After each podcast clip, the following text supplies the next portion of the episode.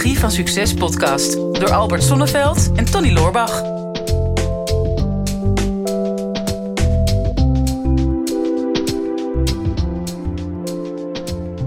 Albert, wat, wat is de beste gewoonte die jij in je leven hebt?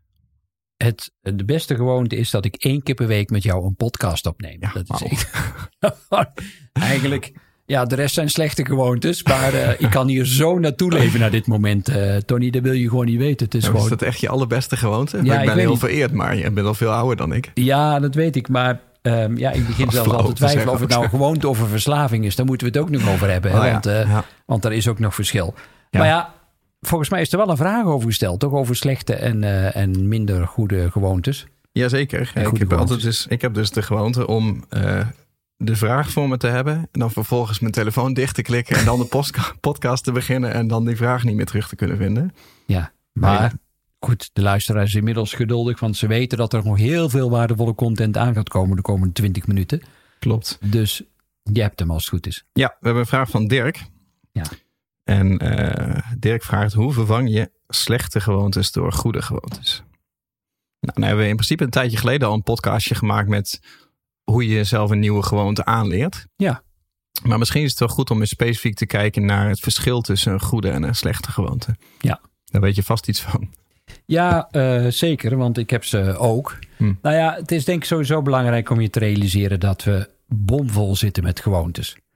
En er is ook een, er is ook een reden voor dat, dat we gewoontes hebben. Hè. Dus eh, Mhm. de neuropsychologen zeggen dat als we zo 35 jaar zijn, dat 95% van ons gedrag onbewust is. Mhm. Ehm, dus dat betekent dat je voor 95% van je dag eh, vult met ja, gedrag waarvan je niet eens bewust bent dat je het doet, maar blijkbaar al een gewoonte is geworden. Dat is op zich al een heel interessant gebeuren natuurlijk. Ja, maar anders zouden we ook helemaal niet kunnen functioneren. Als Nee. jij over elke handeling of elke gedachte die je hebt nog weer bewust zou zijn. Dat is, Ja. dat is veel te veel input. Dan word je schreeuwt gek natuurlijk. Dus het is ook wel een soort van ehm, ja, overle- overlevingsmechanisme. Kan je het zo noemen? Nou, dat je brein nee, het een beetje filtert. het, is, het, is eigenlijk nog mooier, want de, de natuur doet niet aan energieverspilling. Mhm. Dus op het moment dat je een nieuwe gewoonte gaat aanleren, dan kost dat heel veel energie. Of je Mhm. nou gaat fietsen of eh, leren schaatsen of skiën.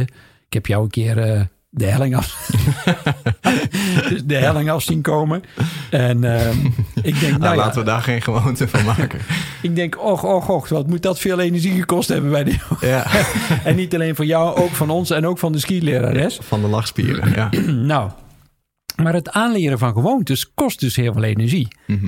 En, maar als die gewoonte er eenmaal in zit, dan is dat super efficiënt. Dan hoef je er nooit meer over na te denken.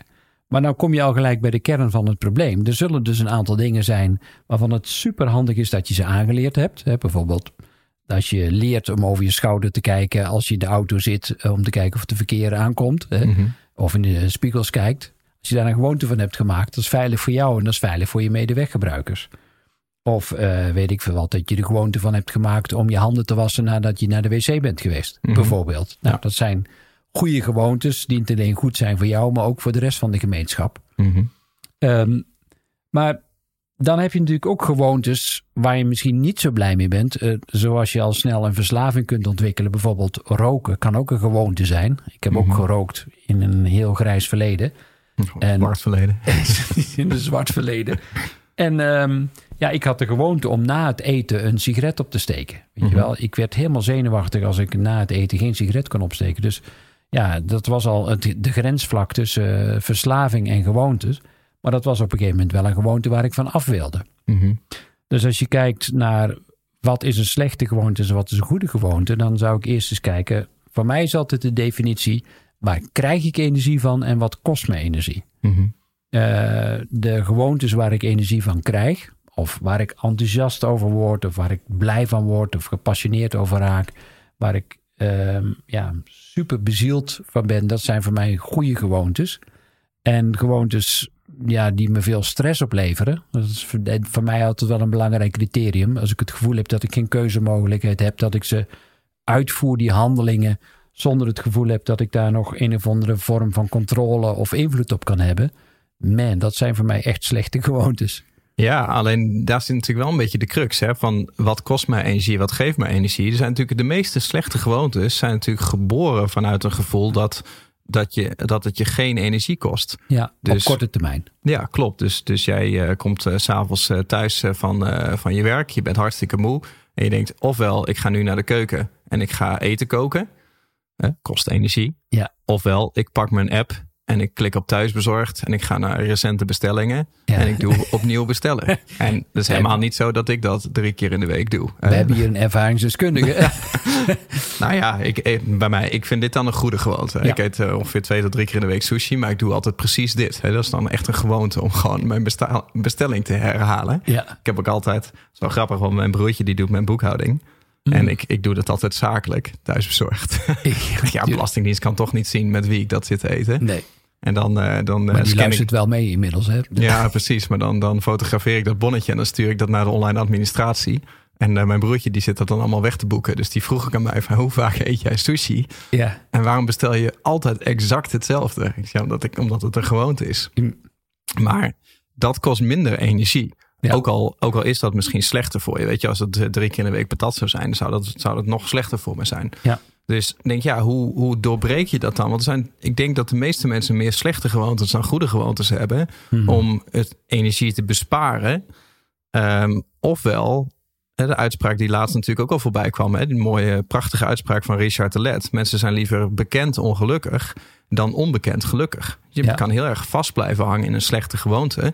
Omdat je de illusie hebt dat het jou geen energie kost. Ja. En dan, ja, hoe erg is dat dan? Dus dan, voor mij is het dan geen slechte gewoonte, totdat je er last van begint te krijgen. Eh, Ik had in, in het begin, weet je, had ik, vond ik het heerlijk om naar het journaal te kijken, bijvoorbeeld. Was gewoon even niks, weet je wel, even een beetje bank hangen en, en journaal kijken. En er zijn een paar jaren voorbij gegaan dat ik altijd als gewoonte een kopje koffie pakte en dan dat journaal aanzette. Mhm. En ik me daar helemaal prima bij voelde. Want dat was gewoon het, nou ja, gewoon afsluiting van de dag. En nog even kijken wat er in de wereld gebeurd was. Totdat ik er last van begon te krijgen. Mhm. En toen werd het in één keer voor mij een slechte gewoonte. Had ik zoiets van, wow, wat een bak ellende zeg. En wat een hoop negativiteit komt er op me af. En jee man, het is weer een half uur voorbij. Terwijl ik hele andere dingen had kunnen doen. Ik had ook even een workoutje kunnen doen van een half uur. Of ik had Mhm. even kunnen rekken of strekken. Of hè, meestal gaat het dan bij mij over gezondheid. Of me laten inspireren door dingen die me echt voeden. Mhm. En in één keer merkte ik van, jee man, wat een slechte gewoonte is dat geworden. Mhm. Toen begon ik er ook les- last van te krijgen. En iedere keer als ik dan het journaal aanzette, want die gewoonte zat er sterk in, begon ik er steeds meer van te balen. Dus het begon me ook steeds meer energie te kosten. Mhm. Dus tot die tijd dat je er geen last van hebt, ja, dan, dan zou je het ook bijna geen slechte gewoonte kunnen noemen. Nee, nee, want dan is het gewoon, eh, alles is relatief. Ik bedoel, eh, als, eh, als je je hele leven alleen maar patat hebt gegeten en je gaat daarna ineens alleen maar sushi eten, dan, gaat- dan wordt het er beter van. Terwijl alleen maar sushi eten je hele leven zou ook niet goed zijn. Maar het is wel beter dan wat het was. Alles is relatief. Maar ik denk wel dat gewoon op een gegeven moment zie je in van, hé, hey, dit is, ik heb hier inderdaad last van, dus nu Ja. is het een slechte gewoonte. Om het te doorbreken, toch wel belangrijk dat je gewoon tot de kern gaat komen van als ik die gewoonte uitvoer, aan welke behoefte probeer ik dan te voldoen? Ja. Hè? Dus, dus aan welk gevoel probeer ik te voldoen of welke, welke angst probeer ik te voorkomen? Hè? Dus bijvoorbeeld ehm, een van mijn slechte gewoontes, en die heb ik helaas nog niet doorbroken, maar ik ben het probleem wel aan het, aan het verkleinen. Ja. Dus ik heb de neiging om voordat ik ga slapen, als ik al in bed lig, dan zet ik vaak nog een Netflix-serie aan. Ja. Maar wel een serie die ik al gezien heb, zodat ik niet hoef te kijken.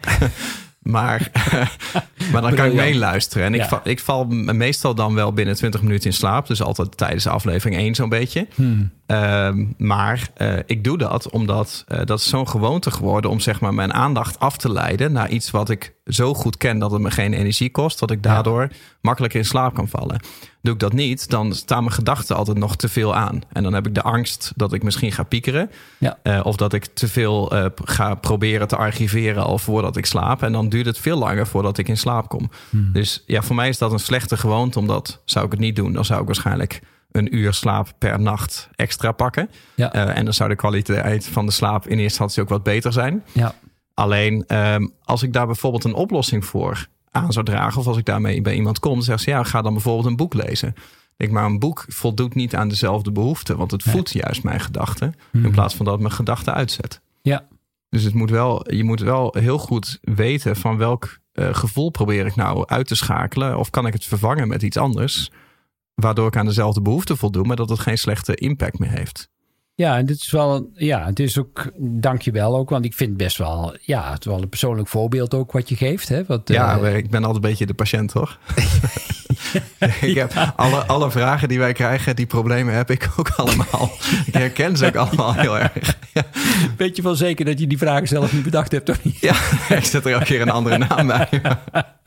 ik wil het altijd gewoon heel graag van jou weten. Dus dan, ja. Dan zet ik dit er maar bij. Ja, het is goedkoop om daar dan een podcast voor te organiseren. Ja, vroeger moest ik jou inhuren. Ja. Betaalde ik je per uur. Nu kom je gratis naar mij toe.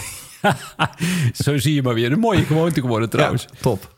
Als je kijkt naar gewoontes, in, zeker ook in dit voorbeeld, dan is er een, een groot verschil tussen eh, afleiding en ontspanning. Hm. En veel mensen gebruiken die gewoonte, bijvoorbeeld een, een Netflix, als afleiding vanuit de illusie dat ze ontspannen. Hm. Maar het probleem zit eigenlijk daarvoor.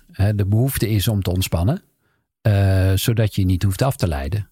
Hm. Dus een betere vraag zou zijn, als je het hebt over hoe doorbreek ik gewoontes, wat zou ik nu al kunnen doen om mezelf beter te ontspannen, waardoor dat ik die afleiding niet nodig heb. Mhm.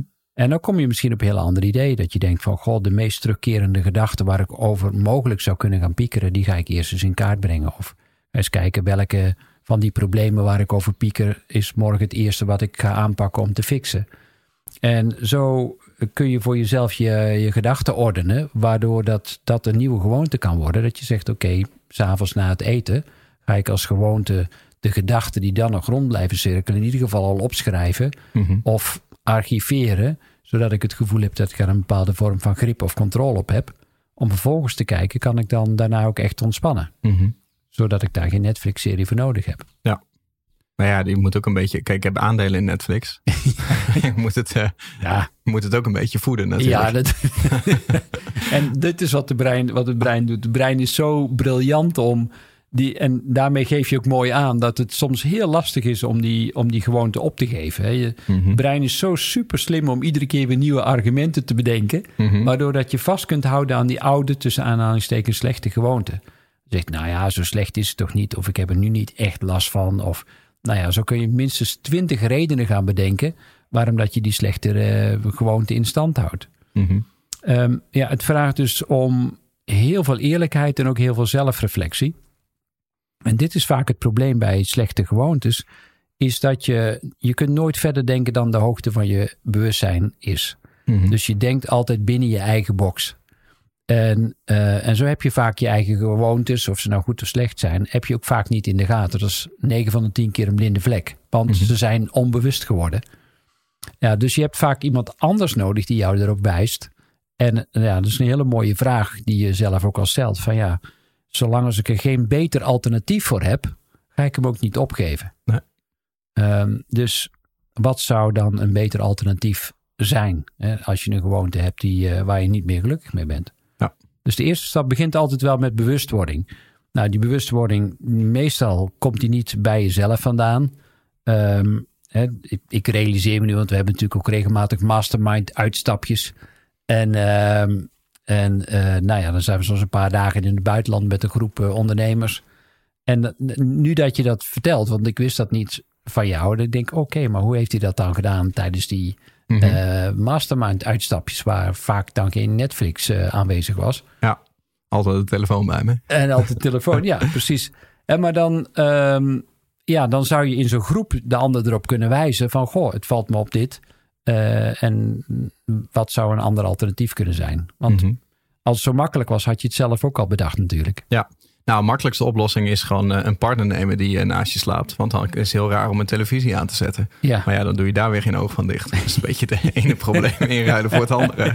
ja. dus we hadden het over een goed alternatief. ja, precies. Ja. nou ja, het, het moet wel in, in stapjes gaan. Hè? Ja. En het is, ehm, weet je, kijk, bij mij is dit, het, eh, dit was een heel groot probleem voor mij. Het is nu niet meer zo. Ik doe het nog wel, maar het is ook niet meer elke avond. Het begon bij mij met een hele grote breedbeeldtelevisie in de slaapkamer. Ja. Eh, twee jaar later was het een eh, iPad eh, naast mijn kussen. Tegenwoordig is het eh, mobiele telefoon die vanzelf na zoveel minuten uitgaat. Dus ik heb het probleem letterlijk Verkleind. verkleind elke Ja. keer. Ja, En, en dat is ook wel een beetje, weet je, dat, dat, dat is ook onze aangeboren consistentiebehoefte. Hè? We zijn begonnen deze podcast met ehm, dat, een, dat een gewoonte, dat het een essentieel onderdeel van je functioneren is om zoveel mogelijk gewoontes te hebben. Want menselijk brein houdt gewoon van consistentie. ja. En ehm, ik vind het mooi, je leest dat in het boek van, eh, van Robert Cialdini, het boek Influence, of Influence in het Engels dan. Ehm, hij heeft daar ook zo'n onderzoek in gezet van eh, een, eh, een groepje wetenschappers die in een bepaalde woonwijk de rijveiligheid wilden verbeteren. En dan gingen ze langs de deuren om te vragen van... hey, ehm, wij willen de rijveiligheid verbeteren voor onze kinderen. Ben je het er helemaal mee eens? Nou, zijn we het helemaal mee eens. Zou je dit grote verkeersbord, gele bord met drive safely... in je voortuin willen zetten? Nou, het bleek dat maar eh 7% van de mensen...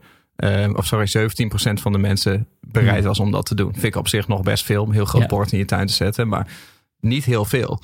17%. Wat ze vervolgens hebben gedaan is een, een vergelijkbare test. Waar ze mensen eerst vroegen van... hey, zou jij dit kleine stickertje met Drive Safely achter je ruit willen plakken? Dan Ja. bleek dat bijna iedereen dat wel wilde doen. Was een hele kleine opoffering. Dus vervolgens een week later terugkwamen om te vragen van... hey, jij hebt nou dit stickertje achter je ruit geplakt. Hmm. Zou je ook dit verkeersbord in je tuin willen plaatsen? Bleek ineens 76% van de Wow. mensen bereid zijn om dat te doen. Dus van 17% naar 76%, simpelweg door eerst een kleinere tussenstap te laten Ja. zetten. Ja, want mooi. Je, je wil eigenlijk consistent zijn naar je eerdere beslissingen. Eh, want anders is het een soort van gezichtsverlies in je eigen hoofd. Hè? Want ik heb A gezegd, nou moet ik B zeggen. Maar omdat ik geen B zeg, zeg ik eigenlijk dat ik het ook niet eens was met A. Dus ik wil niet terugkomen op eerdere beslissingen. Dus ik ga maar, ga maar door. En dat is het ook met het aanpassen van een gewoonte. Je hoeft ook niet in één keer helemaal van je slechte gewoonte af. Nee. Maar je kan wel kijken of je het ietsje zou kunnen minderen. Ja. Ehm, en je heel bewust te zijn van dat gevoel. En daar iets anders voor in de plaats te zetten. Ja. Nou ja, dus eh, wat dat betreft eh, ben jij heel goed bezig door je schermgrootte steeds meer te verkleinen. ja, precies. Ja, ja dat is nog heel even. En eh, er is bijna geen scherm meer over natuurlijk. Dan is het alleen nog audio. Nou ja, dus ik denk als je naar deze podcast luistert, ongetwijfeld zul je dan voor jezelf ook al een idee hebben gevormd van oké, maar dit is wel, dit zijn goede gewoontes van mezelf, dit zijn slechte gewoontes. Op een gegeven moment worden het slechte gewoontes omdat ik me eraan begin te storen. Of omdat het me afleiding geeft en geen echte ontspanning. Of dat het me echt bijzonder veel meer energie geeft. Of dat het eh, juist mijn omgeving meer energie kost. Wat de reden ook is, dat is de eerste stap. Dus het bewust worden daarvan. Mhm. En wat je dan vervolgens heel terecht zegt, maak dan kleine stapjes. Want ehm, als de stap te groot is, daar hebben we het in een eerdere podcast ook al over gehad, dan komt die amygdala in opstand. Hè, dat kleine orgaantje in je brein, vlakbij je limbisch systeem, die al die emotionele herinneringen opslaat. En die gaat meteen toeteren. Die zegt: Wow, deze stap, deze verandering is veel te groot. Ehm, dat kan ik niet overzien. Dat kost me veel te veel energie. Dus hou het klein. Mhm. Ehm, volgens mij was het Anthony Robbins die zei van eh, mensen overschatten vaak wat ze in een dag kunnen doen, maar ze onderschatten wat ze in een jaar kunnen doen. Mhm. En Ja. dat is ook zo. Je hebt gewoon de tijd. Maar eh, de derde is wel, maak echt een bewuste keuze. Ehm, kies. Je kunt altijd kiezen. Je kunt in een biljoenste split of een second kun je ervoor kiezen om nu iets anders te gaan doen. Dus het is, stel dit niet uit. Ze gaan niet zeggen van, nou ja, weet je, eerst de vakantie voorbij of laat het dan maar eerst kerst worden en dan begin ik wel. Mhm. Nee, als je heel eerlijk bent naar jezelf en je hebt een gewoonte gevonden die, eh, waar je niet blij mee bent, kies dan nu om al een klein stapje te zetten. En ben je niet in staat om dat te doen, dan is het belang om die slechte gewoonte in stand te houden nog gewoon te groot. En wees daar dan ook eerlijk Gewoon in. te groot. Ja, je? Gewoonte. Ja. gewoonte gewoon te groot. Dus, dus doe, het, doe het dan niet. Wees dan gewoon heel eerlijk. Zeg, ik ben er nog niet aan toe. Wat je eigenlijk zegt is, ik heb nog geen goed alternatief daarvoor gevonden. Mhm. Nou, ehm, dat alternatief vinden is vaak lastig voor jezelf. Daar zul je meestal 9 van de 10 keer hulp uit je omgeving bij moeten vragen. Van ehm, help me met het vinden van betere alternatieven die gezonder voor me zijn, die me meer energie opleveren of die me meer rust geven of wat dan ook maar. Mhm. En dan ehm, succes verzekerd. Dat, Ja. dat kan bijna niet anders. Is er, is er nog hoop voor jou, uh, Tony, nu dat je dit allemaal gehoord hebt over die gewoontes? Nou, ik, ik, ik merk wel aan mezelf dat ik, uh, dat ik wel behoefte heb om sushi te gaan bestellen nu, omdat we het net over hadden. Dus die zit redelijk diep. maar voor de rest... Uh, voor de rest voel ik het wel. Ik denk, ik denk dat het wel goed gaat komen. Ja, nou, absoluut. Dus um, nou ja, misschien kunnen we mensen ook een nieuwe gewoonte aanleren door uh, de gewoonte te hebben dat er na deze podcast geluisterd te hebben, dat ze in ieder geval uh, lid worden. Hè? Dat kan, of hoe heet dat als je dat met podcast doet? Abonneren. Abonneren, ja, ja. nou ja, bijna gelijk. Hè? Dus dan hoor je bij de, bij de podcast community van ja, Psychologie voor Succes. Dan hoor je er echt bij. Dus dat is sowieso al een go goede gewoonte. Andere goede gewoonte is om ons regelmatig vragen te stellen, zodat Tony ze niet steeds over zichzelf hoeft te, hoeft te bedenken.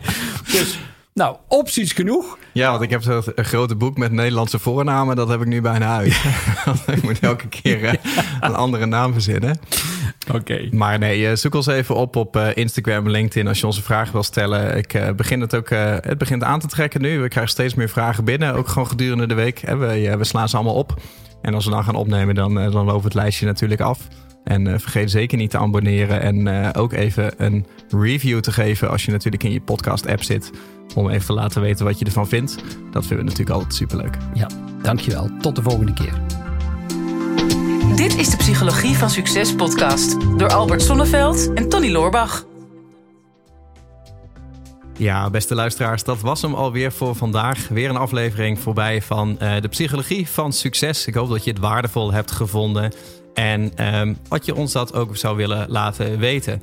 Uh, mocht je nog niet geabonneerd zijn op onze podcast, doe dat dan even. En wat we heel erg tof zouden vinden, is als je ook even een review zou willen achterlaten. We vinden het natuurlijk heel leuk om te horen van jou wat je van de podcast vond, welke inzichten je eruit hebt gehaald en om dat natuurlijk in de review-sectie terug te gaan lezen. Heb je nou een vraag en je zou graag met jouw vraag in de uitzending willen komen? Stel hem dan op de social media. Onze kanalen zijn vooral LinkedIn en natuurlijk Instagram.